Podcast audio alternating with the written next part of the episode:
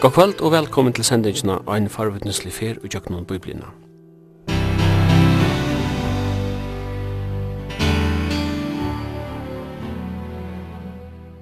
Henda sending er at høyre lindene, kvart mygge kvöld klokka 19, og det er endersendt frutjata 17. part klokka 15.30. Og i studion er Simon Absalonsen, Jekvan Zakariasen, og teknikar er Taurer Poulsen.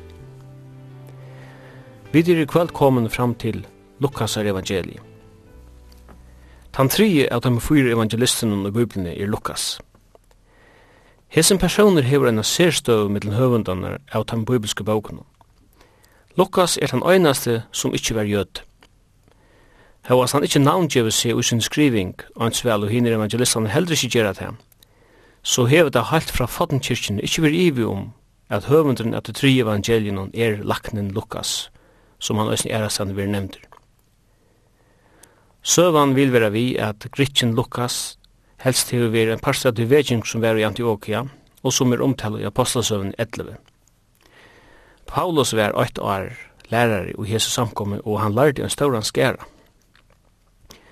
Fra brøvenen og i Nødja og fra Apostelsøven vidavid er at Paulus og Lukas var samstarvsfelager.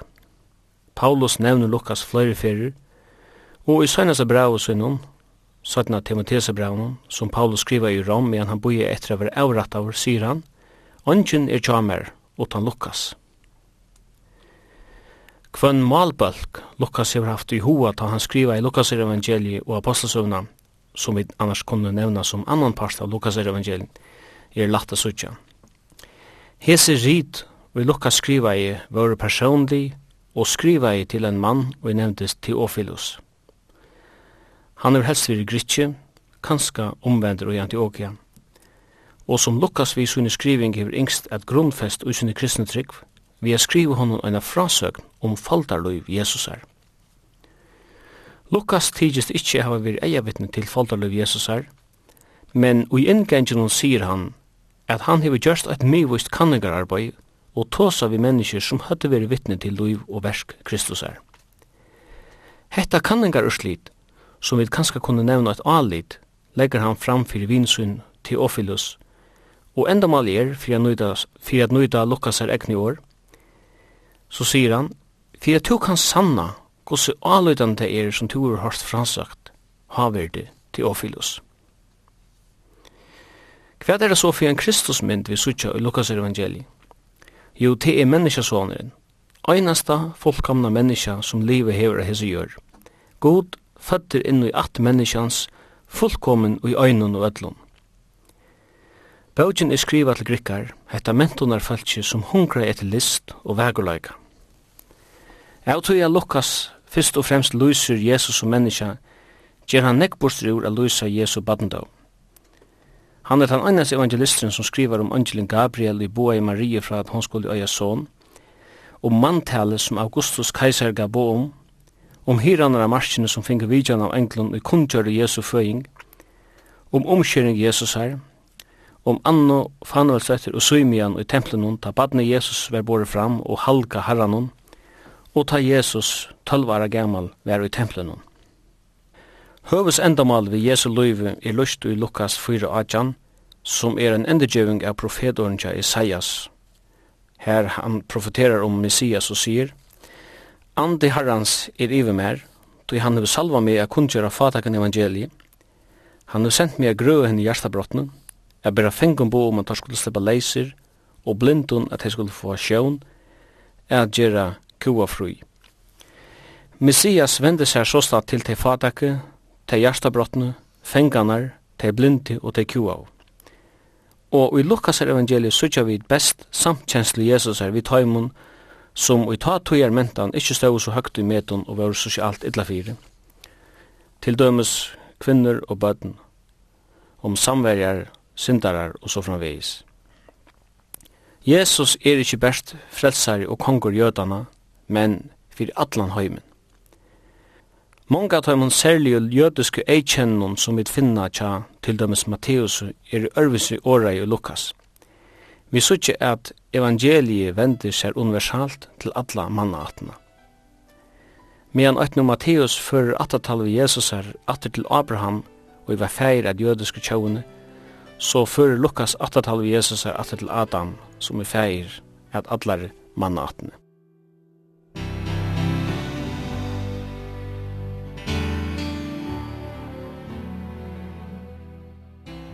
Og jeg kvann, Her har vi den eneste høvendan av boken og bibelen som ikke er gjød. Ja, det er fantastisk. Han sørger til at god veler eisene kvann vi til å skrive sitt år. Og han bruker ikke bare jødanar, selv om kristendommen kan, godt, kan man godt si er føtter ut av jødadommen. Lukas, han er nevnt av Paulus til dem så i Kolossebrand 4 kapittel, og her er en lenge liste av nøvnen som, som Paulus skriver om. Og til akkurat som at man leser den listan, så er det nekkur jødisk nøvn. Men så byrjar han i systene at nevna nekkur heien nøvn eisne, og her er så Lukas nevndur eisne, og tog kon kan koma til til konklusjonen at, at Lukas var ikke jøde som öll hinne. Eh, akkurat hver eh, Lukas kommer inn i myndina, hver han kommer til trygg, og så er, er, er sjåna nekvar eh, hoksaner om. Og, Jeg tror han mest grunnleggjande, eller grunngjevande hoksanen er til at han var kanskje frelster i Antioquia, eh, ta i Paulus og Barnabas tante her. Anker heldur at, at Lukas eh, var oppvaksen i Tarsus, her som eh, Paulus, apostelen Eisne, var eh, oppvaksen. Eh, ein grunn for at jeg har sagt er, er han at Lukas var lakne, det vet jeg vet Eisne fra Klossbrand 4, vers 14, her kallar Paulus Lukas laknan. Det var en, en kjentur medisinsk skole i Tarsus, og anker heldig kanskje vær Lukas utbyggvinn av skolan. Samtidig som eisne Paulus vaks upp i Tarsus og, og hei sina skolavgång til eisne i Arnafort til Jerusalem, et er ganske lovende og gjerra som fariseer. Så anker kanskje heldur kjolt at Paulus og Lukas er oppvoksne saman. Og kanskje av en eller annan hatt eh, møtast herra veier atter, eh, attana eh, Paulus kommet til trygg, for han er kallar av gode, og han er så sjående, tås om Kristus, vi Lukas, og han er blitt frelst og kanskje sjøkken Paulus. Men uh, hadde bare en hoksan. uh, Paulus kallar ikkje Lukas sitt baten som han kanskje kallar Timotheus og eisne Titus, sitt baten i Trunni og så vi er. Lukas visst han titlen, og tog er det ringt å sija. Men han har vært hoksan, at, at Lukas er det han som har vært. Da har vi også om malbalkar, så vidar vi det at Matteus evangeli allerhelst skriva til uh, jødana som tjau. Marskos har vi inne på at de skriva til ramverjar, og uh, som vi mener Johannes evangeli kanskje først og fremst skriva til der kristne samkomna som var utan, at de skriva rettelig sånt til løy Johannes her. Men da vi tega Lukas evangeli, så tåsar vi om en malbalk, de skriva til en person, till til en personlig eh bådskaper till till Da vi nå sier det här eh 2018. Och så ikke allt det här i bakspeklen, Vi vidanen om at Lukas er evangeliet vel at Bibelen er omsett til flere hundra mal og lysen av milliarden av menneskene, så kunne du sige, lydig anna i Lukas skal det være han gjørt. Ja, det er helt sikkert. Jeg tykker at det hadde kun kanskje si om, om alle høvnene eh, og, og skriverne av, av nødvendighet. Løyde visste Paulus til han skriver til uh, alle som er samkomne at det får komme oss og voie. Samtidig som jeg trykker at her visste og allukkevel at her å inspirere av hele, av hele andan. At, at her, her åpenberinger som der finko, uh, finko der ikke bare åttan voie. Herren veleidet her til å skrive. Mm Og til, til rast som vi leser her, Lukas, han skriver dette her dokumentet som heter Lukas evangelium, og eisen apostelsøvna, som er faktisk eh, anna binti av hessen, hessen eh, tvifalda saunen tja Lukas. Lukas evangelium og apostelsøvna. Løyde visste han dette for å være så tuttninga mykje rit. Ein, ein avhåver til spurninger er, tar vi, tar vi tåsa om Theophilus, er hver verden og, og Theophilus av greskon eh, kan omsettast viner gods, etla ein som er elskaver av god. Theo eh, er året god, og Phileo er året at elska, etla eisne er ein viner. Og, og tog kunne vi eh, kunne vi vise av her på at så anker heldur at dette var et, et, et, som, som Lukas gav hesten her person som han skriva til. Men jeg hadde det vanlige navn som, som var brukt av, og navnet meste elskar av gode. Men et annet som er avverst vi eh, Theophilus er til at Lukas kallar han i første kapitlet eh, vi har en titel som heter Havvirte. Havvirte eh, Theophilus. Og dette, dette var ikke et først eh, egnan i det, eller en kvart titel som, som han kunne få. Men dette var en titel som han brukte om hakst og embaldismennar. Eh, og i rujtjen. Så, så anker heldur er kanska arbeide Theophilus fire til romverska rujtje, altså han var en, en embedsmæver til kajsarnum sjolvum, og på ein eller annan måte er Lukas kommet i samband vi Theophilus, akkurat hvordan eh, vidar vi det sjå til imenskar hoksaner om det. Men tar vi lesa eh, inngangen av Lukas, så, så leser vi til at vi til at mennesker har tidsjer fire å sette samme frasøk om det som hendt med mitt så det som tar og jeg første tog våre egna vittne og som gjørdes årsens, eh, har sagt fire okkon så har vi eisen i etter og dette er avhverst etter at jeg gjøtle har rannsaka alt av første tog sett mer fire å skrive til til nyer kvørst etter anna det er i systematiske ordan. haver til Theophilus, fyrir at du kan samna hvordan avliden det er som du har hørt frasagt. Så her kan man si at, at Theophilus har hørt evangeliet, og han vil ha vita meir. Lukas er det sin nire skriva. Eh, han rannsakar det, og han sier det opp i systematiskan ordan, fyrir at vysa Theophilus jo at det som du har hørt er fullkomlig allutand. Hadde så at her mest kan man godt si at her mest tradisjonelle hoksanlanar om hver Theophilus vær. Men jeg held at en, en annen teori er enda mer avhørt om hver tid ofles vær. Og sier at han var hitje etter Lukas evangelien og ljósen og næsne av apostlesen og sutja det som Lukas vil skriva som, som uh, selv under tvei bind så er det eit dokument kan man godt sia. Og, og det sier han eisne apostlesen at jeg har i, i til fyrre frasøkene skriva jeg om det som Jesus gjørte og forundra i gjer og så vore inntil han dagen han var tidsen heim. Apostlesen tås oss om hva hende vujer her fra 18. Jesus var himmels, og, og hvordan sank om han spreddes det ut i romerska rydtje. Ta vi et hukse om eh, eh, Lukas og Paulus, at her fyrir saman. Så vidar vi at Paulus eh, var tidsin i Jerusalem, men han, og han var, han var sett i fengehus i, i Caesarea, og her, her skjedde malet hans her, innfyrir kaisaren, Det er samme som at Paulus var førtur fra Miestre, alle veien til Rom, til han boi etter han skulle eh, få sånne søk lagt framfor kejseren. Lukas fereis vien, kursir mest av tøyene, og, og han var vi honom til tvei årene som vi leser om i posten i 28, at han sette fengkehus i Rom. Og Lukas var vien her beint, og tar vi spyrja spurningen, Paulus bojar til a færa framfyrir hakstarat i landen. Og han skal verja kristendommen, han skal verja til at det som han eh, predikar er ikkje en, et alup av romerska rujtje, men heldur at det er, eh, det er undergiv romerska rujtjen av nekvanat, og Paulus tåsar om at, at vi eier vera okkara myndleggen undergiv så gjør. Hva er ein bruk fyrir ta og man skal ratten? Man er bruk fyrir en verja, Og en verje er en, en vel utbyggvind maver, og kanskje en embandes maver. Og, og hendan teorien sier til at kanskje ver Theophilus verjen tja Paulus som han skulle letja sina søk framfyrir keisaran i Rom. Og hva er en verje bruk fyrir? En verje har bruk fyrir så, så nekvun upplysningun som møvlet så nekv er verja det som skal verja som møvlet. Og, og Paulus hever fengt oss Lukas og verja, han, Lukas er vel utbyggd med avvart, han sutja vid ui bei Lukas og apostels, han, han brukar år som andre ikke brukar, og han do vel a skriva grammatikken er korrekt og så videre. Og han sier, jeg skal skriva alt fra byrjan av, lykar fra at jeg Jesu er føtter, alt hans liv deg oppreist hemmafer, som er Lukas evangelium, og alla vegin hvordan kristendommen hever spredt seg ut om den romerska heimen, til og vi eh, kapitel 28 av Apostelsøen. Og vi vet fra Bæg Filippe Braunen og eisne eh, Timotheusbraunen er at Paulus var leisladen atter.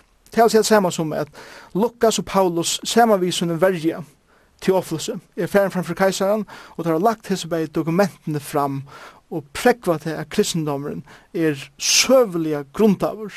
og, og, og han, han spreies ut som ikke anna, men han gir ikke allop uh, av at han romerske rujtja han egan hatt. Og keisaren er jo sier til, han sagt ja, og han er smekka hemmaren, og har jo sagt frukjent. Så jeg hatt er ein, ein teori som jeg halde vera uh, ekvelja avhåverta, og jeg tykker at det er en større sannleik i jøsner. Og ljøa kanskje ikke avhoksande. Vi vet jo også sier til at, uh, at evangeliet sprøttes rundt, og alt romerska rujtju, og æsne, ikke bare midten midten tan lakra, staten i samfunnet, det kom lengt opp.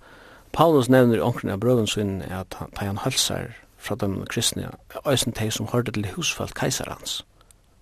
Helt sikkert. Det er helt sikkert, ja. Det viser æsne det at Paulus, han er en framskærende evangelist. Han har sittet i fengkhus i Rom i tve år her, bænt, og han er ikke bare sittet og lært søyen og så bare til synder seg selv. Han er veldig aktiv, og på en grunn måte er han kommet sammen eisende vi, vi hus for keiserens.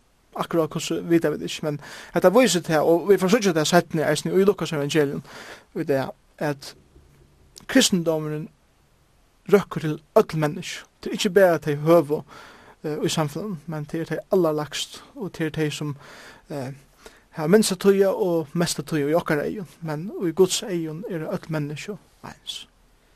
Men hetta fangstusoppgjall vi tar som tja Paulus, det er til fyrra, altså er en eldebrand rom og er en nero.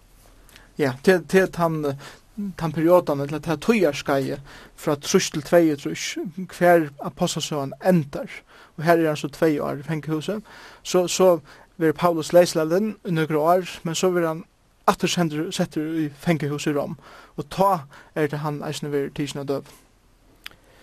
Jeg har lyst til at Lukas evangeliet syks av vera uh, utroliga uh, vekkust åra, altså malbonen er, er sera vekker, og det syks av vera et poetiskt masteraversk. Det man har vært nega som hever uh, smakka vel til grikkon og lys. Ja. yeah til helt sikkert. Grikkar våre eh, ekla vel utbunner, og teir elskar sin eh, litteratur. Og ta og så mega som skrivas til grikkar, og hugsa okkur hvis at det er eh, dette dokumentet er en verje a letja framfor i sjolvan, så må det være vel skriva. Og Lukas var akkurat den rette personen som god utvalgte til å gjøre at Han var vel utbyggven, han han do väl att att han vänta sig målsliga och han do väl att sätta sättningar samman han do väl att att, att lösa det och en livande hot och han har varit otroligt åra för då. Eh och i Lukas evangeliet och i Lukas evangeliet ena er det omlai 2000 imisk år brukt. Og vi samarbetar til Johannes evangelium, så brukar Johannes bare 500 år. Så, så åra for øye kjøy kjøy Lukas er så og medre enn ek større enn enn det var kjøy Johannesen. Eisne reit støyleren kjøy kjøy eh, Lukas var, var eisne mynd av kan man godt sya. Ein laknaligare i hoksan. Tøy at vendingarna kjøy Lukas, særlig at vi tåsa om eh, særlig at det kommer til undrunne og så videre. Maten Lukas lyser i minst på er annerledes enn er løsat på. Til dømes tar vi lese om den spedalska som kom til Jesus beint 18 av fjallabrædikna. Og i Mattias 8 til dømes, her sier Mattias at spedalska kom til Jesus. Marskos sier det samme i første kapitlet, eh, og i vers, jeg halde det vers 4-4, eller vers 4. Men så kommer Lukas i femte kapitlet, i Lukas og sier at det kom med vår fotler av spedalsko. og at det året fotler lyser kusse eh, intens og hvordan øyelig hennes spedalskan vær. Og så det er som han bare legger til året, at han lysinger året sier at for at, for at lysa hvordan alvorlig hennes sjukan Och Og til å huksa Matteo, Mattias og Marskos, ikke om på samme måte som Lukas, vi tog egen fra en lakna. Han diagnoserar kan man säga. Ja, det ser han. Och till näck vad dömer om det. Man säger ofta Markus att, att Peter hur knyter att Markus evangeliet och onkel kallar det for Leikmans evangelie. Hvis vi så vender oss til Lukas evangelie, vi så ikke en, en medicinare som skriver, og han er, er vimmaver vi en annan mann som stender nær til et evangelie, til teologeren Paulus. Så kan man kanskje si at det er det akademiske evangelie. ja, det, det kan man kan si hvis man hikker etter fra to skjønner vinkelen. Og så er det sagt flere for over, så, så er det fyra evangeliene, kan man godt sige, fyra spotlight og liv Jesus er. Og, og et spotlight er så hette akademiska sjånar mye, at, at hette, hette eh, damar djupt huksande folk er vel lese, og folk som har egne og øyrene fyra gåon lesna i. Og hette, hette setra en medalja eh, stora og tøtninga mikla suje av liv jesser og det som har lært det, og det hjelper oss å skilje det enda bedre. Vi sier ofta, og vi trykker at eh, skriftene er innblåstere av gode. Men tar vi sier det så fyrstidler vi dere ofta at eh, at det som har skrivet, har fungerat som en slags sekretæren som har skrivet etter som, som god dikterer der. Men eh, vi sier ikke at at jeg kjenner ikke at den personen som skriver, det er ikke atter og tusen til å skrive. Man kan si at Bibelen hever, hva skal man si, at mennesker litt fingremørsk. Ja, altså jeg, jeg tar en tåsar om, om at Bibelen er innblåst av gode, så er det utrolig områdende å skilja til at god altså inspirerer vår av hele andan, hver skriver en stordre av gode, av hele andan gods. Jeg skriver akkurat den nye som god yngste han. er skriver. Det er omgang i meg rundt her.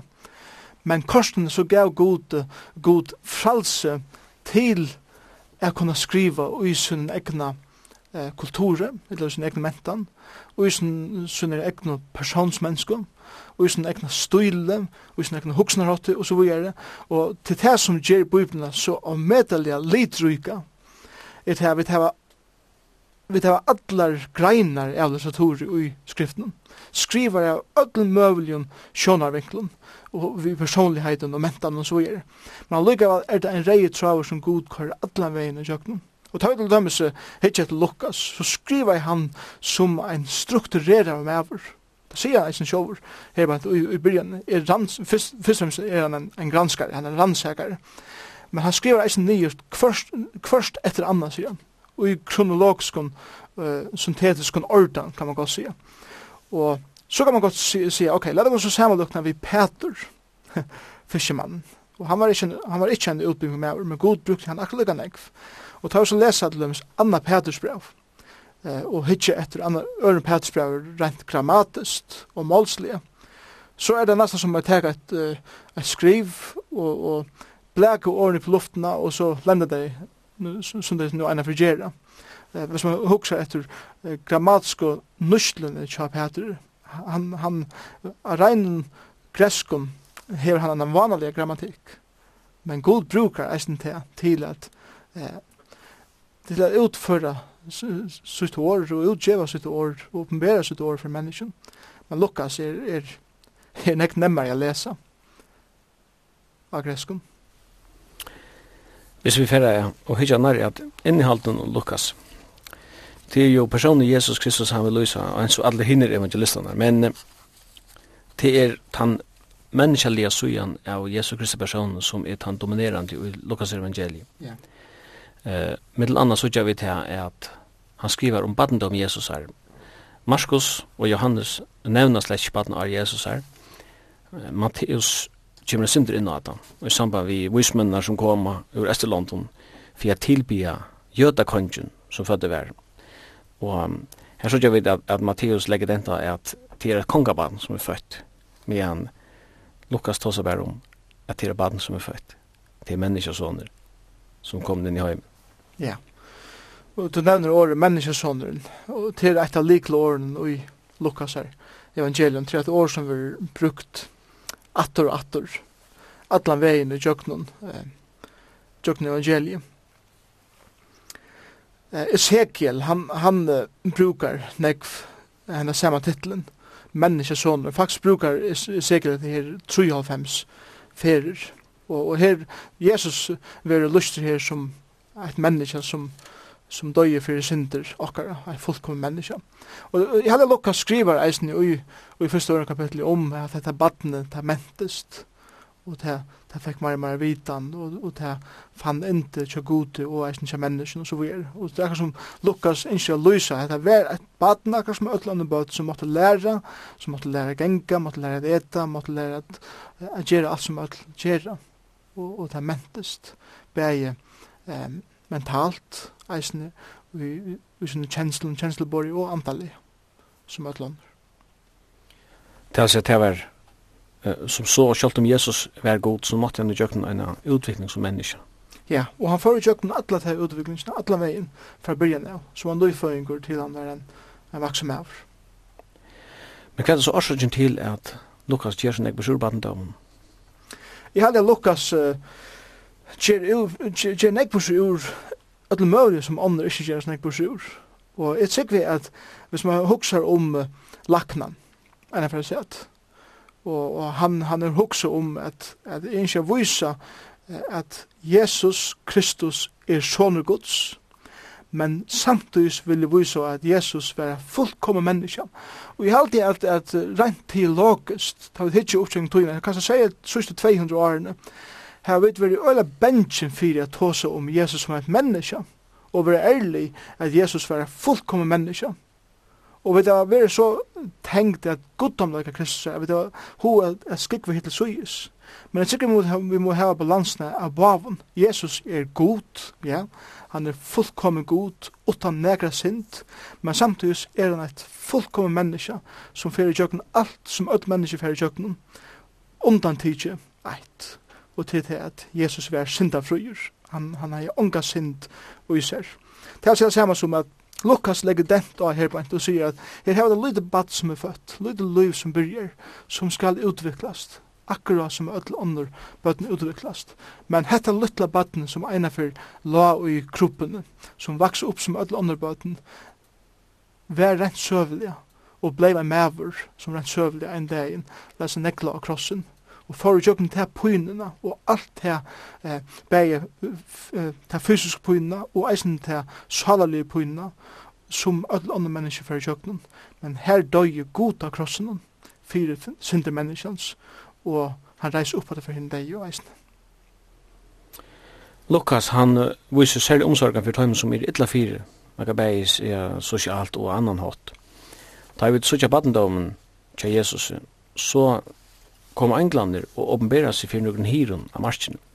medan uh, Matteus tåsar om husmenn som kom ur Østerlondon, og søkne vil vera vi at han var konkar, det nevner Bibelen som ikke bare leser om, men eh, hon er nok at det så heldur ikke. Men det er også hugsa om at det er hyrar, og i møsen til mulige konkar, så er det veldig monera. Ja, det er også monera. Og til eit av temen tja Lukas, at, at han viser av Kristus, han, han brukar tog saman saman hans vi kallar fyrir utkast i samfunnet. Og lukka fra byrjan av, til at troligt at det er fyrstu som fingar vita om at frelsari er føtter, var utkast. Det som, det som tror at det er sørste som hadde oppebåret å få negra slukta vita, var hiraner. En hir av hessen døven her, ta Jesus var føtter, var ønske virtur, og det som er avverst eisne, vi minnes til det at, at öll tjoven av Israelsmannen, saman vi Marie og Josef, var og fer til Bethlehem, eller kursi her til det 18 som de var fra, og så heim var det så til Bethlehem. Jeg skrivast inn. Men som öll tjoven er innskriva i mantel, og det var nummerera hvordan folk byggva, og så videre, så er det hiran her og det marsjene. Og det sier meg til at her var ikke gong skriver i mantel.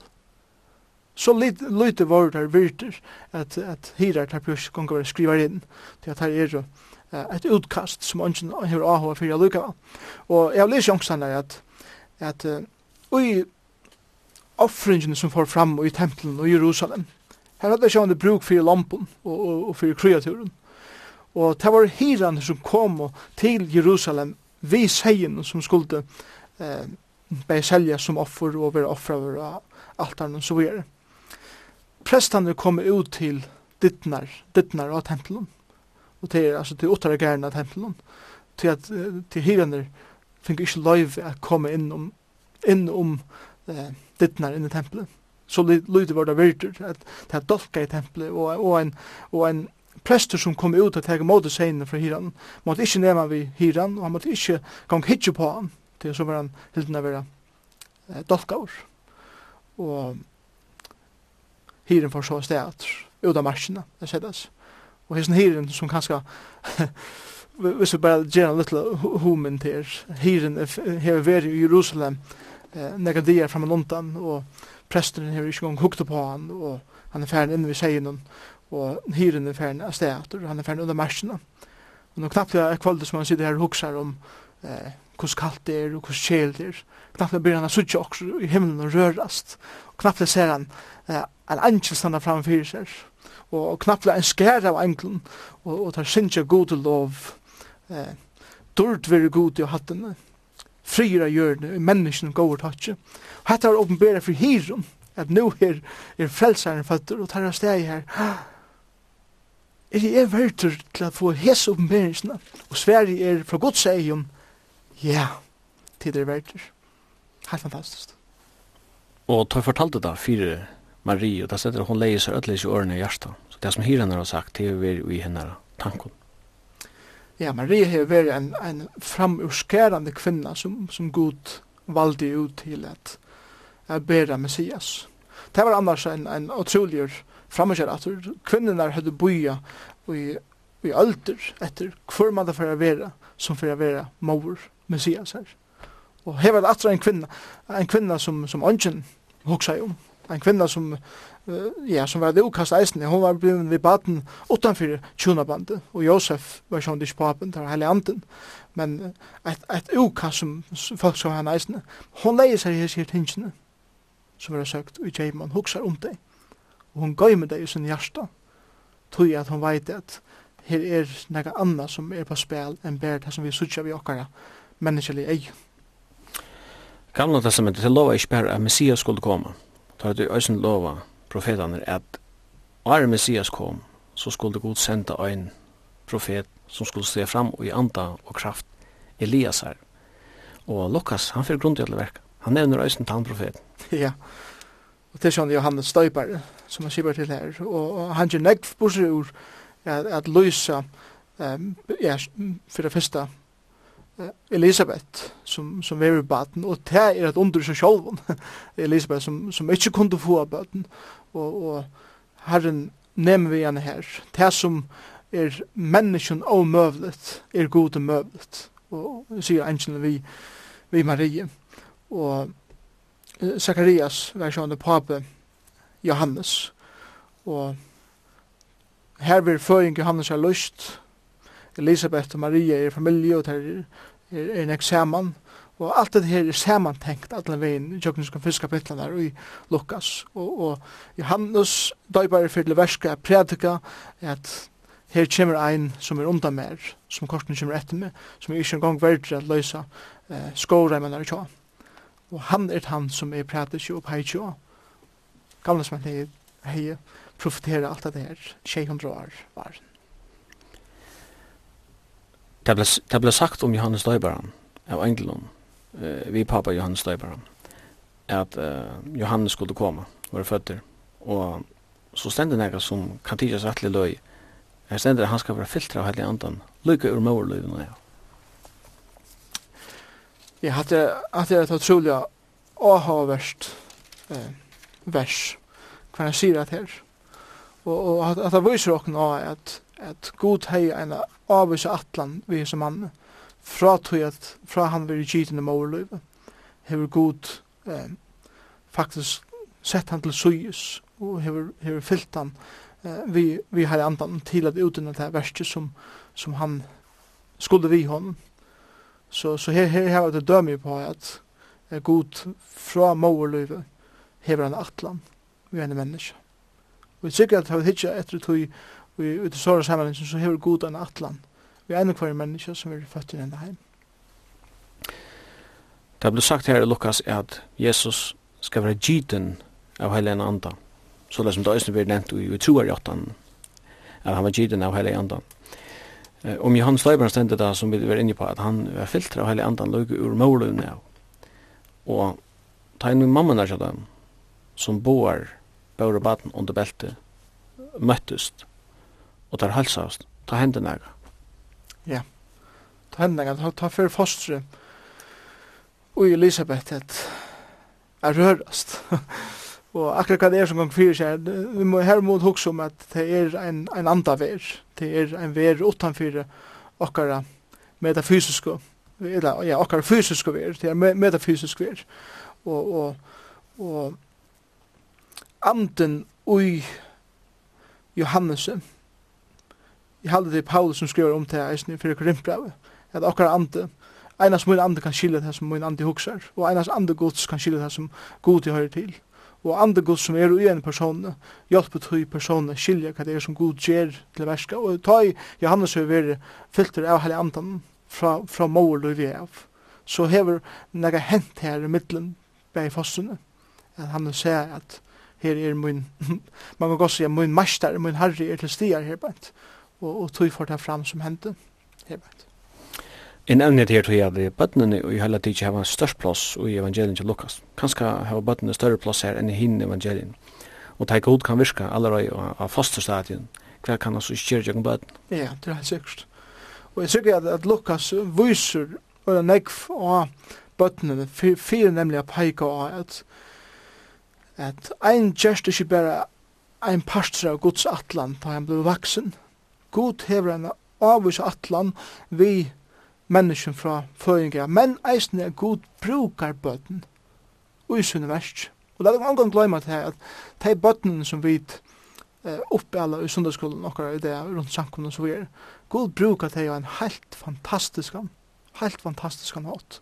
Og Lukas, han kjer som sjående nekk ur bæge Johannes, bare, og, og Jesus som, som smadranger, eller ja, som foster og som smadranger i den første kapitlen her bænt. Men han, han uh, nevner eisne er andre bøten i evangelium.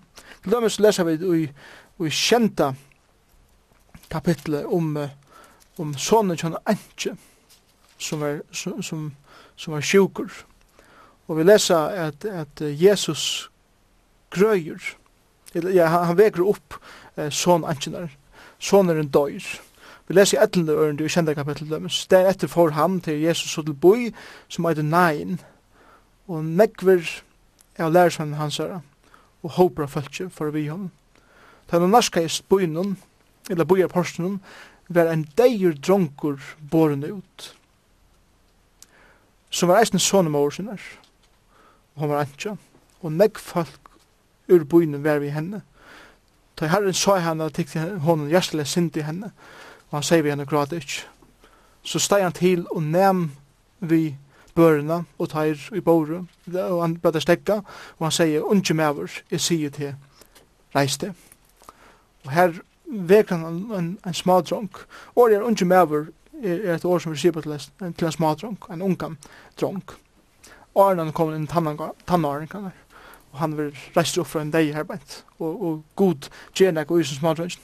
Vi leser eisen dømes i, i nudgjende kapitlet. Eh, vers 38. Her er en smadrønger som, som er som er uh, besett seg en anta. Og Jesus reker ut henne en anta. Eh, vi leser til dem i Sheitsen, der Lukas Nutsi, der etter til han kom om en fjallet, kom nekk folk mot honom. Da røpte jeg med over mittel folk, mest er bi, jeg bi til hygg til sjån min. Han er enkabalt mot, og ante teker han. Og, og, og så videre, han, han viser av hvordan utrolig ringt dronkeren hever det, og til han ytla ante og Jesus reker han ut. Så vi sørger atter, atter hever han til Kristus hever han atlan vi bøtten, og la dere ikke glemme det. God brukar bøtten, og jeg glemmer omgang det, bare for, for å fortelle en liten hending, um, min egen sonur, Josef, eh, ta vi bo i Skottland. Han var, han var fyra år gammal, ta akkurat blivit fyra år gammal. Og vi, eh, vi får ofta ut av gøtene i Glasgow, at, at uh, gjøre traktater ut. Og, og henne dagen var så av gongegøtene en by som heter Motherwell, som er forslag til Glasgow. Og jeg gav honom nekra traktater som vi gikk rundt og gav traktater ut. Og så kom han tvei jenter gengant. Og Josef, han, han er en, en føregammel dronker som gjør hessen barn, hvordan traktat. Og vi, alt gong så vi er, og vi fer heim, vi bor i Motherwell, sjolv, og sett ni om kvölde benkar på dittna kjemmer. Og det er en, det er en pape, en, en, en maver, og han, han sier til at, at jeg visste til at tid av skolan, jeg, jeg var leier av GLO-skolan, av bibelskolan her i i Motherwell. Og han sier til at tid var ute i gøten her det, og til gåen akkurat sagt hater ut, og det kom ut færre unge kjenter for boi. Og en liten smadronker gav einar, einar eller tveim og kjenten traktat. Andre tar var døtten min, og hin var en velinda kjønne, hon var ikke tryggvant. Men tann kjentan er kommet til trygg og ukvöld, og kjøkken til traktatene som er liten dronkeren gav henne og han er kanna hver det var kommet fra, og han er kanna hver det var som var ute, og han var funnet fram til, til, til som min adresse, og benka jeg på, bare for å si meg at, at hans luttel dronkeren gav et lite papur vi evangelien nå, som gjør det til at en ung eh, jenta, jeg kommer til å sikre Jesus Kristus, god brukar småbøtten.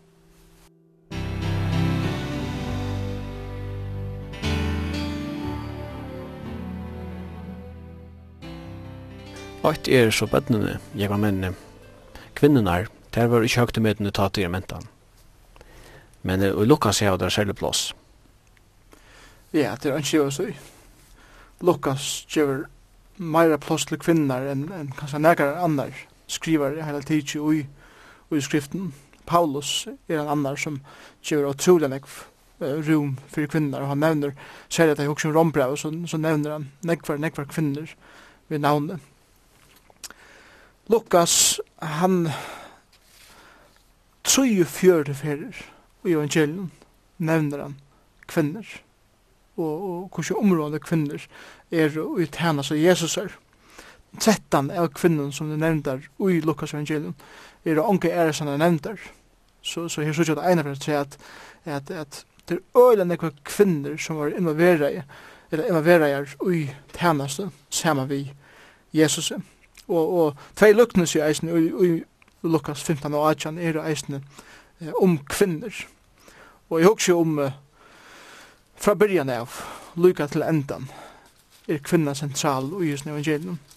Eh, Begge Elisabeth og Maria vera nevnda i byrjan av evangeliet. Boar eh, fua tvær siner som er avmødelig ståran leiklod ui atlan gods og sjående eh, Johannes er er han som gikk undan, undan gong med undan Jesu, og Jesus er sjående god sjolver. Han nevner eisne Anno, profetinnina i tempelen, og hon tok badne opp i sine hender og, og sikna i det. Så tar vi komme allan veien til endan av evangelien, og her sjående nekvar kvinner nevntar i middelen, bæði kvinner som ferast neksan við Jesu, men så eisne kvinner som ønsken vilde hava nekka við Jeri. Jeg som henne som kom við alabastus krukkene og heldte salvene iver Jesus salva igjen. Hon var en kvinna som, som var en syndafull kvinna, við hun kalla fyrir. Og jeg eginn kja farsieren, men Jesus, han, han, han godtog henne og, og elska henne. Ja, hon er nevnt i uh, Lukas 6, ta og i, ta og bjør inn til farsieren. Og titta fyrir fyrir Jesus vil salvar, han er kvinne. 17 fyrna er bant og Arn han døyr til er omtala ikke hinne under listen, men um, henta fyrra salvingen er bare omtala ikke Lukas. Ja. Hon salver fødder Jesus her. Hon salver fødder Jesus, og, han, og Lukas er ene som, som nevner det. Tog at han ikke av vysa uisen evangeliet er at kvinnan hever utrolig såran, leiklot. Det er av som han hoksar om uh, visse Lukas, jeg skriver til en, en uh, romerskan og, og, og grekst hugsande skæra. Så jeg kvinnan og gjerne greskare mentan hei nesten ønska sida. Og hon var hildna vera halvt jord og halvt menneska. Og Lukas viser av her at fyrir gode hever kvinnan nekva sida. Da vi kommer til endan av Lukas, så vet vi at at kvinna var utrolig nekva innovera her og ta og Jesus var gjerlagdur eisen ta han reis oppadur. Det var en kvinna som, som var den første jeg sutja Jesus opprystna. Helt fantastisk. Og det var sånn Maria Magdalena, som, som så underfullt og eisen var rensa av Kristus, som var fyllt av ytlen anden, men Herren rensa henne og bjarga henne. Og så leser vi til, til dem i 24. kapitlet og i, og i Lukas. Um, her leser vi til, om um, några kvinner som færre ut skulle færre gjøre likam Jesus er til, men det finnes ikke likam. Og så kommer det knappt hukse om at, at det er myntest år Jesus her, at han skulle ryse opp tre av dagen. Så stendur i nødgjendørende ter til seg kvinner, får hun jo av steater fra grøvene, og søtte høyta for henne etter at han, han rysen opp. Og det var Maria Magdalena, Johanna, Maria, Mor Jakobs og henne kvinner vid teimen, og til søtte apostelen om detta og ta trodde dem inte först og så vidare. Og vi leser om Maria Magdalena at hon, hon fer inn og hon, hon ser han orstagarsmannen. Og hon sier orstagarsmannen, hei hei se, hei se masteren. Og så knappt i høyre hon bare årene Maria. Og ta vær orstagarsmannen Jesus sjølver. Og, og han åpenberer seg her fyrir henne. Og ta ombrøt henne av liv fullkomne. Helt fantastisk. Ja, og det stender også at her hadde egene vi, altså da Jesus ble lagt i grøv, her sjå og var eia veten til kjøla grævleikingene, og så hyllet der seg stittlar sabbaten etter bånden, men gjør det engande uh, oster og salver til, og var så påska morgen ut i grøvene, det her var så hinne evangelistene i øsne. Ja. Og en annan balker som øsne er nevnt i eh, Lukas evangelium, som fer et, et særlig plass i Lukas, og som øsne var fra fjonar balker til samverjar. Ja. Jeg halte at ta, ta vid uh, hugsa om Lukas, så, så sørger vi til at Lukas kunnskjer et evangelie som er til at kærleik Guds er til öll menneske. Öll menneske. Og ikkje berre til jøtanar, ikkje berre til iverklassan, men til öll somul. Og, og jeg, jeg husker om til dømes, ta i englander, sunk og lovsong i Lukas kapitel 2 så synger der i fyrsten ørende dård vil god i hattene friar hjørne og i menneskjen gåur tatsje og her, her er det universaløyde til öll menneske som omtala her herbeint vi husker eisne om, om uh, Symeon i, i samme kapitlet vers 32 da han eh, vi fyllt fra hele andan, og han synger herren lovsong. Ta, ta sender han tog han i faun, han lovar i god til seg, herre, nå lett du tænare at hun færre hien i frie, som du har sagt, til ei mun heva se frelse tøyna, til hva gjørst til fyrir eion, og så sender han på allra tjoa, ljós til a lysa upp heitningarnar og Israel falsketøynum, dård. Så vi søtja allan vegin atter og atter, er god her han allan vi öllum, vi öllum menneskjum, og eisne samverginum. Til dømes, uh, i, i kapitel 20, vers 33, her gjever Jesus lukkne seg om i miskonsama samverjan. uh, hesten her jøten fer fra Jerusalem om han til Jericho, og han var avlåpen av Fudjendon og tar bergen og tar bokan og tar klean hållnaktan og renan og han ligger her eh, hållnätjen og hålldeir og en prestersyn for boi og tar Jesus forteller etter luknelse fyrir jötun så, så er det akkur som han nu er vann for framme, han som prester han, han får helt sikkert av visen nøye men Jesus sier at han tjekker framme og at det iver skjer her. Jesus var meister i sin prædike at det var iverraskelses elementen, at iverraska folk, det som han sier. De vant av akkur henda, men hendi ikke det hildu. Så kommer Levitteren som var, han, som var til åkeren, han var hinn høgt ubunde, og han tante god i tempelen, og hvis presteren ikke er nøye, så får Levitteren helt sikkert at hvis han nøye. Levitteren han fer iver, og han får iver fint, men ikke akkur, men han får bare vujer. Atter er det at her surprise eller iverrask element Og så, så, så sier Jesus, men samverje var fyr. Og jøtene vil hoksa. Nå, hvis han ikke deg er nå, så får han helt sikkert det. For jeg dripen nå av sin samverje gjennom til at han er samverje, og, og samverje er, er en hundur, han er holver jøte, han er, han er åregner, vi heter samverje gjennom.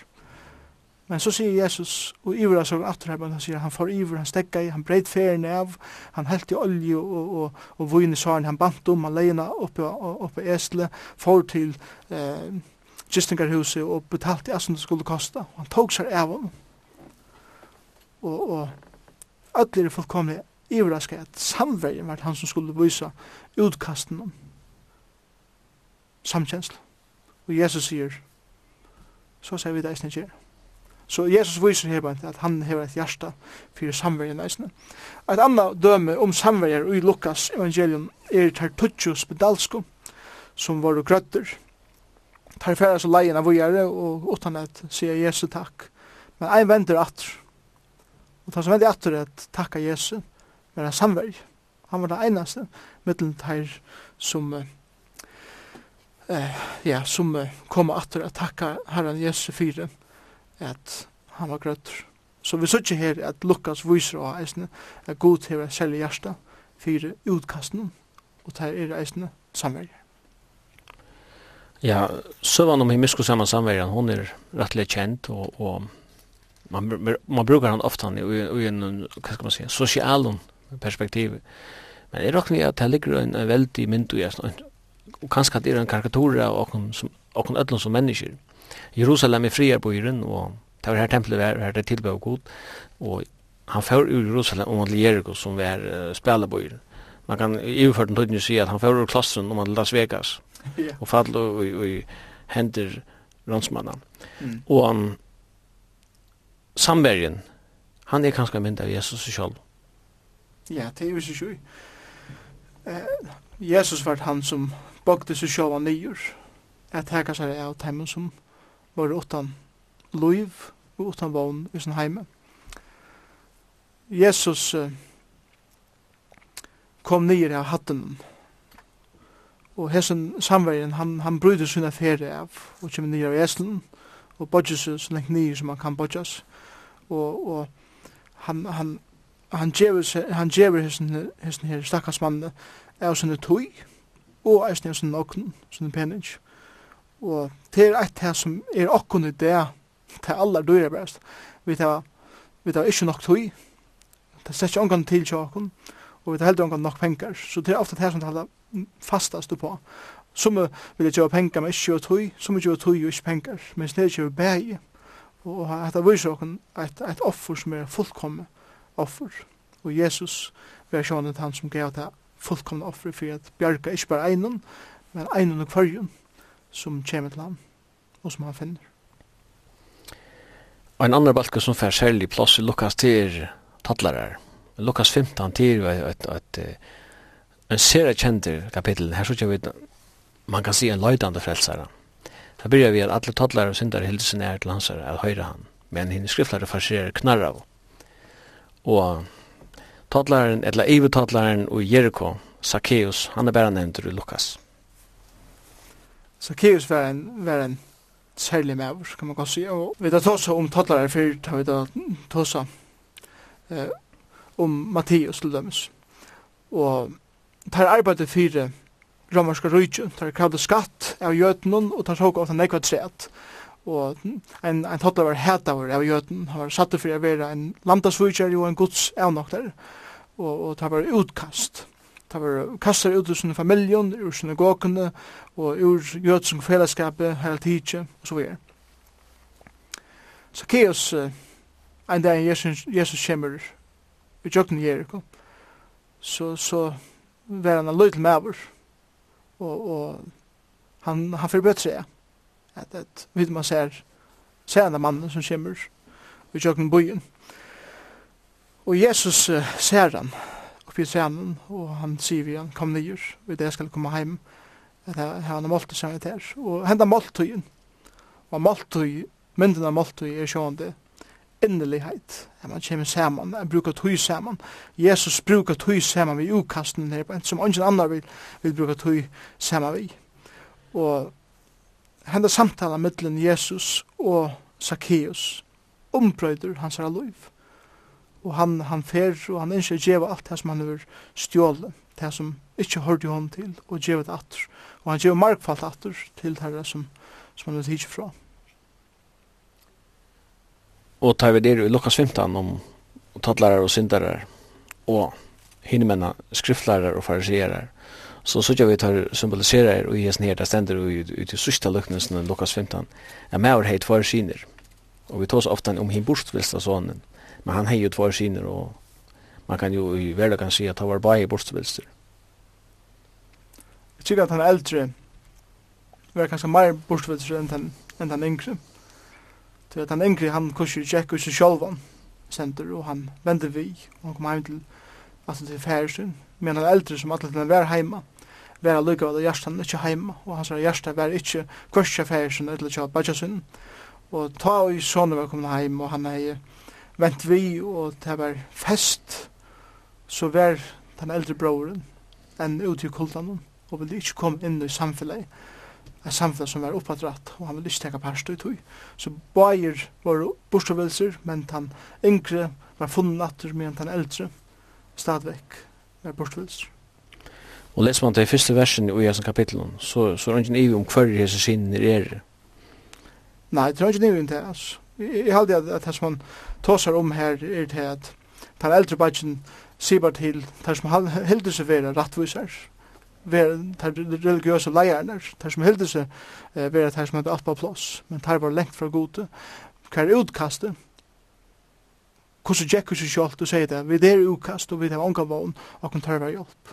Så her sørger vi tvær klasser av, av mennesken som Gud elskar, men tan den fyrre klassen, er så stolt at han vil ikke ha god å gjøre, kan ha sett klassen, sier at jeg kommer hjertet til, til, til en god.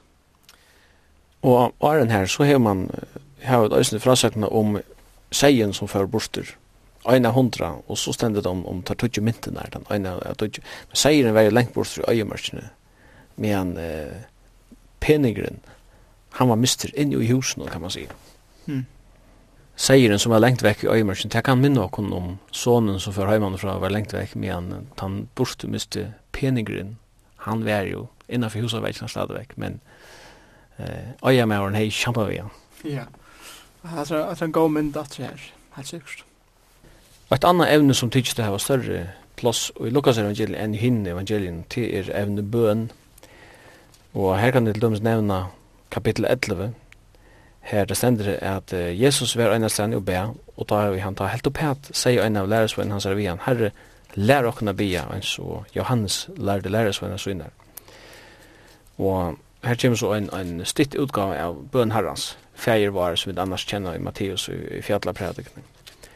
Og Jesus fyrir så underviser sin om bøn, og han nevner hendan her, som fikk besøk mitt om nattena. Og her lærer han, hette Evera, vi kunne se over avgengande i bøn.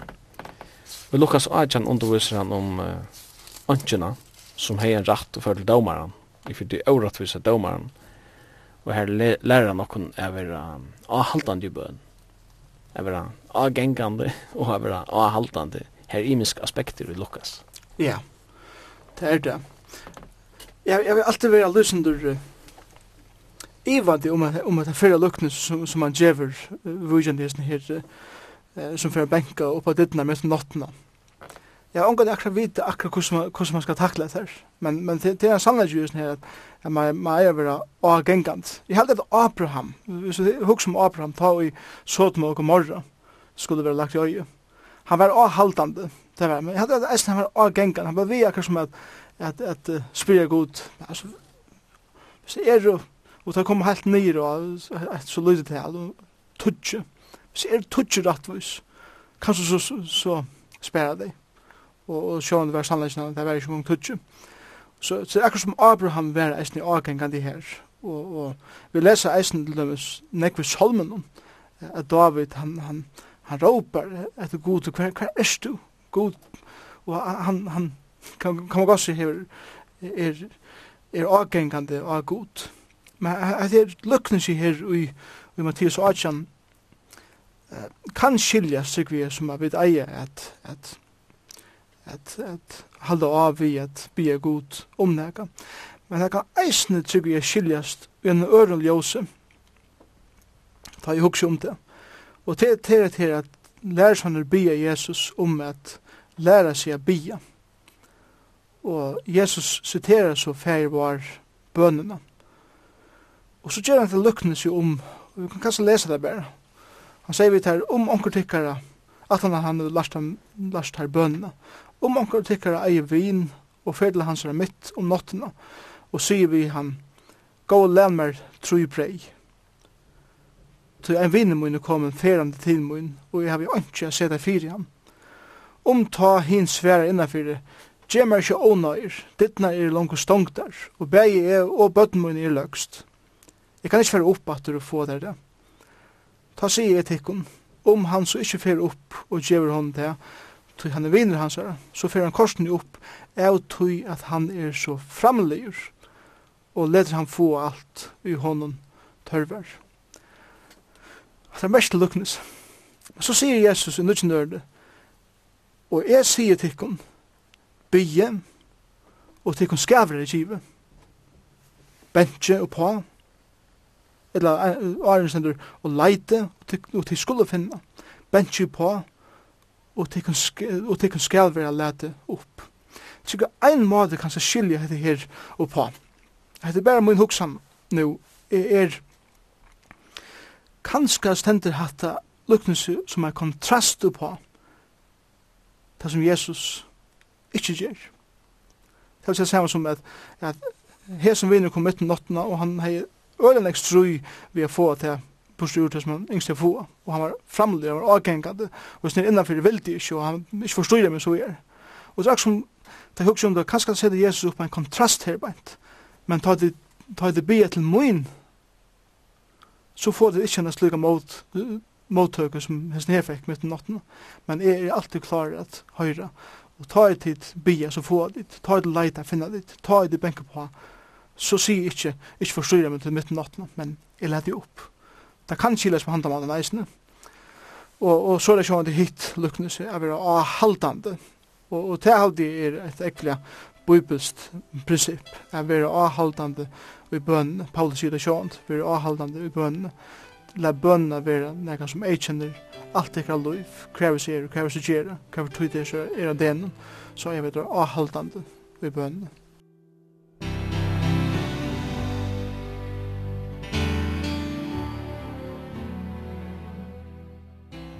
Men tar vi tar som bøn og lukka så, så underviser eh, evangeliet og ikke bare om bøn. Vi så ikke også en menneske Jesus Kristus som er bøn av menneske lukka særlig. Ja, til, til er ikke Jesus tog.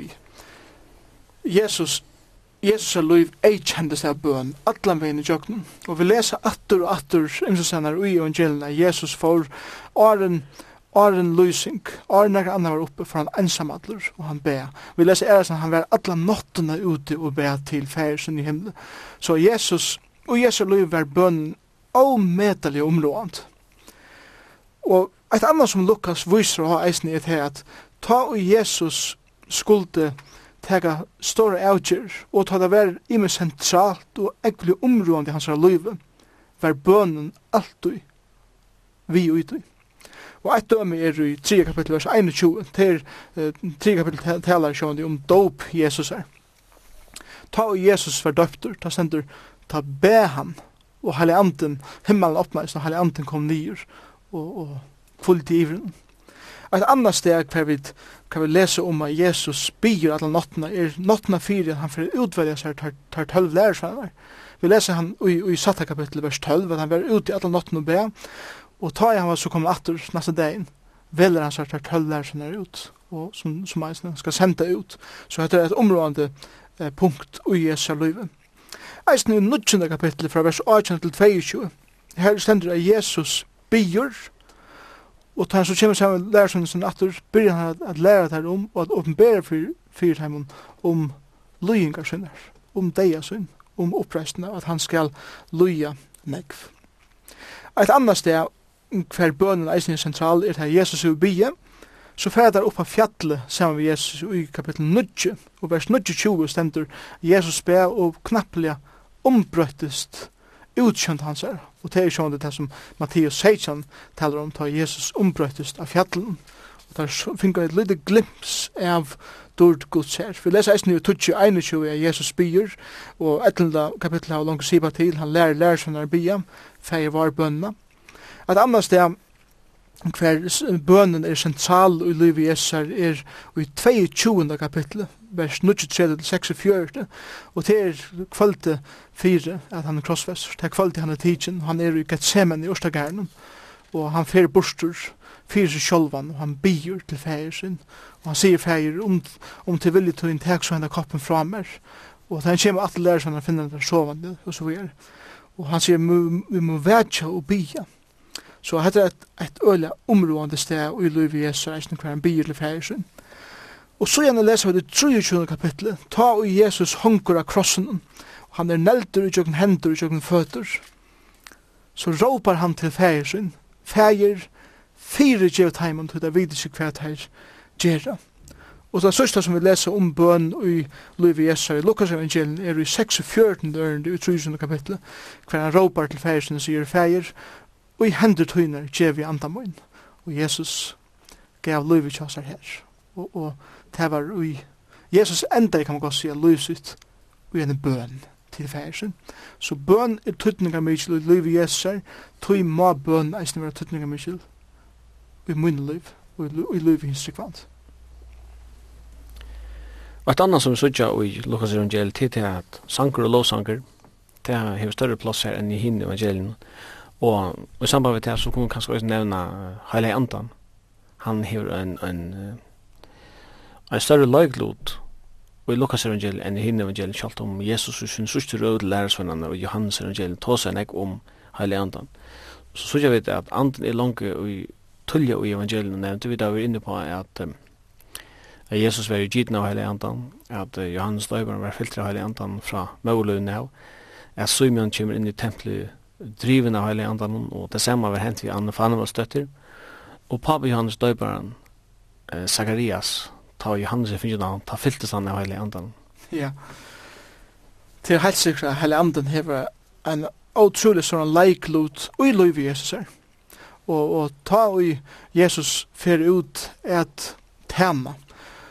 Ta tæner han ui kraft hele Andans og, og og ta i anden kommer iver Jesus og i dopen og han kviler iver og han er verand iver ta tykker vi at, at Jesus fikk til styrkene til kraften at han myndelægen som skulle til fire at færre ut at inna, uten at tjenestene som han skulle gjøre og, og du har langt nevnt Johannes Støyber og fylte av andan du har langt nevnt Marie og Elisabeth var fyllt av hele andan da hun taler Sakarias og Simeon og eisne Anna. Alt de var fyllt av heilig andan. Vi lesa om Jesus at, at han var døptur, så kom heilig andan i han. Eh, eisen ta Jesus var tisen ut i øyemørsna, stendur at han var førtur av heile andan ut i øyemørsna, av var frest av, av, av hinn andan, av djevelen. Så, så her hei hei andan en utrolig stor leiklot, eisne. Eisne i jøgnen til perioden hver Jesus verur freistavur, hever heile andan stor leiklot. Så gjerne låser vi til å lese sjolver fjore kapittel, ta Jesus var driven heile andan til Galilea, og han fyrir inn i synagogene, og, og han sier at andi herran som kom nivet med, og så han, siterer han Isaias profet. Vi leser eisen i, i, i 12. kapitlet, at, at Jesus gledjist i Heliantan. Det er en fantastisk titel her, at, at en av avvoksen Heliantans og i livet sykvande er gledje. Avvoksen andan skal alt bare 5-22, er kærleidje og så gledje. Og, og Jesus filtrar andan ber eisen i avvoksen andans. og, og han, fylt, han er filtra gleie som han syngur gode prus. Og i 11. kapitlet lesa vi eisne at heilig anden er, er områdande. Og i talte kapitlet lærer Jesus ekkert alvorligt om heilig anden, og det er ikkje det er hinne synder som er ofyrgjevelig at, at heva mig eller at spotta heile anden, og det er vilja teg mot heile anden, til, det er en synd som ikkje kan fyrgjøres til at man er ikke fyrir man, for man finner heilig andan og isse, og teker mot heilig andan, og tog kan man ikke være fyrir for man fyrir heilig andan.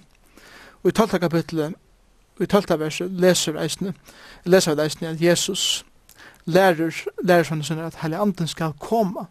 Samme som han lærte der i Johannes 16, heilig andan fer å komme, ta høy er ferden, fer han en annan å komme, og han fyrir å lære til kun alt.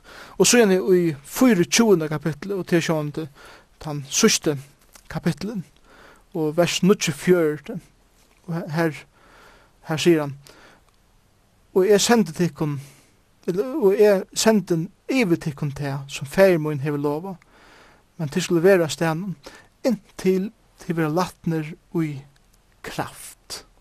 Av hatten, og her sier han sjån til heilig andan, og det er det samme året som brukar i Apostelsunne 1.8, at ta i heilig anden kjemur skuld til få kraft og til skulle være vittmån i Jerusalem, Judea og Samaria til enda gjerne. Så alla vegene i jøkken, lykka fra første kapittel og lykka til eh, 24. kapittel, er heile anden sentraler og i løyv jeser. Heile anden sentraler og i løyv hans tryggvand i det. Eisen.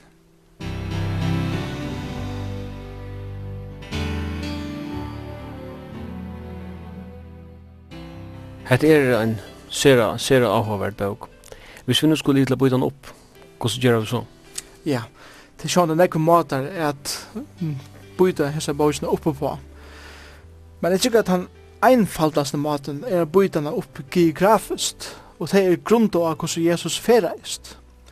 Og første kapitlene, det er kapittel 1 og 2, er faktisk en inngengur, kan man godt si, til det som Jesus kom a gjøre. Og, og det innebærer så sjående føying, Jesus er og, og oppvøkst. Men fra 3. kapitlet, fyrsta verset, til 19. kapittel og holdt 20. vers, er tænas av Jesus er i Galilea, det er her norr i jøkken i landen, og alt det som gonger fyrir seg, og i tammen kapitlen, eh, gonger fyrir seg i Galilea. Så igjen det fra 1. ørende i 19. kapitlet, til 22. ørende i 19. kapitlet er tænasan i Judea og Perea. Perea var en landsparstur estan fyrir Jordanon, og Judea var sjån tan, tan sunnar eh, landsparstur vestan fyrir Jordanon. Og alt det som gonger fyrir seg fra 19. kapittel til 19. kapittel, det gonger fyrir seg i tøy landsparten. Men så fra 19. kapittel vers 28, og så lykka til vi sjån eh, 24 vers 3,5. Det er tænasen i Jerusalem. Jesus er i Galilea, fyrir sura til Jøkken Perea, Judea og endar i Jerusalem. Og fra Jerusalem er det akkur man fokuserar nærri nærri motor, krossen, Golgata. Og Jesus døyr, og han reiser opp fra hinn deg, og, og bogen endar vi, som alle, alle hinna gjerra, vi er Jesus gjever til store misjonsbøyene, og han byr lærer sinne færre ut. er kunngjøre evangeliet. Vi leser i 64. ørend, og han sier vi her, så skriver Kristus skulde luja, og tria degen rys opp for henne deg, og at navnet hans er omvending og synda fyrir djeving skal være prædika fyrir kvarjon, fyrir ödlun folkasløven, og byrja skal i Jerusalem. Tid er vittne om hetta. Og vi kommer så inn av et annet her, til senast, det er til at uh, Lukas gjør nekbors ur Jesu løyengon, hans er deia, hans er opprøst. Det gjør alle evangelistene og østene. Det understrykker bare en for tre at hver vi vekter nere bådskapen. Ja, det er ongan, det er ongan ivaver om hver vekten av bådskapen Lukas er reisende. Og det er som Jesus sjølver sier, at jeg er ikke kommet at øyledja, jeg er kommet at frelsa. Og ta og Jesus var født som er baden, og han vokste opp, og han tante, og han grøtte, og han, og han frelste. Ta vær til en forsmaker av tog som han stevnte i motor, Golgata, at Jesus Kristus sjolvor, god sjolvor kom til gjerrar, at leta seg negla et tre, fyrir at hega synder menneskjans oppå seg sjolvan, fyrir at jeg og at mennesker som kunne som, som tryggva han skulle være frelst. Og Jesus og Lukas viser også at det kan du søvle prekvast av Jesus døye, det kan søvle prekvast av Jesus reis oppåt for en deg, og det kan søvle prekvast av vidar finnes bøyene om å færa kunnskjera og predika sinta fyrirgjering fyrir öll mennesk. Og til det som vi gjerra enn i det, og til nega som okkar landsmenn i fyrrjun eisne, må høyre at synda fyrir djeving er a få i det.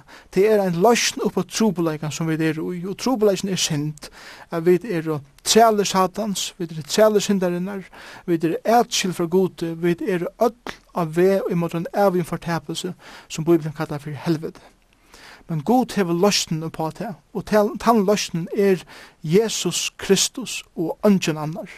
Jesus Kristus, Gud sjolvor, som, som tog synda straffen på seg sjolvan og sier, «Tei som tryggva av meg, og bia meg om a fyrirgjøa taimon tarra synder, tei skulle være frelst, ui til løten, tei bi om fyrirgjøing, lyga mykje hver de er, lyga mykje hver bakgrunn de kommer fra, lyga mykje som Lukas eisen viser av hver en sosialan standard de heva, lyga mykje hver de kommer fra, lyga mykje hver de er gjørst i livet, God elskar ein og kvann, og Jesus støy fyrir ein og kvann, men som evangeliet lærer, ta må være en personlig avgjør tja ein og kvarjon. Og hva er lortare? Hva er det som sitter, eller hva er du så køyrer, eller om du er som bare kip, eller hva er det så erst? Tu måst tekna avgjør sjolvor, vel er tukt om tu innskyr at gjerra strattur vi god, eller ikk. Men god innskyr sier vi til at han elskar til, og at han ønsker å gjøre til her et liv som en av Jesus Kristus kan bjøve og til er det evige liv.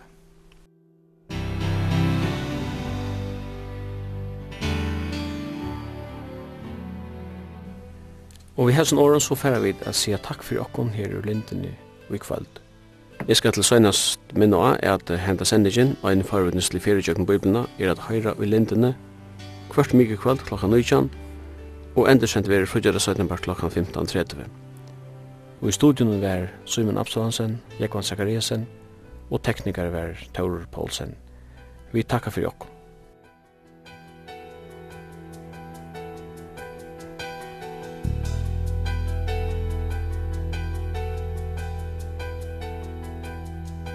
When he rolls up his sleeves, he ain't just putting on the ribs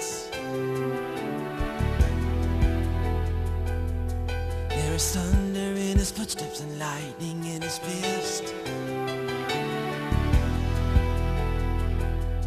The Lord wasn't joking when he kicked him out of Eden. It wasn't for no reason that he shed his blood. His return is very close and so you better be believing That our God is an awesome God.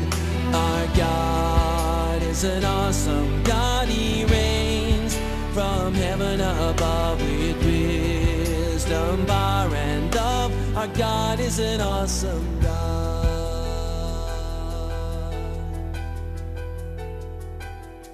And when the sky was starless in the void of the night God is an awesome God He spoke into the darkness and created the light.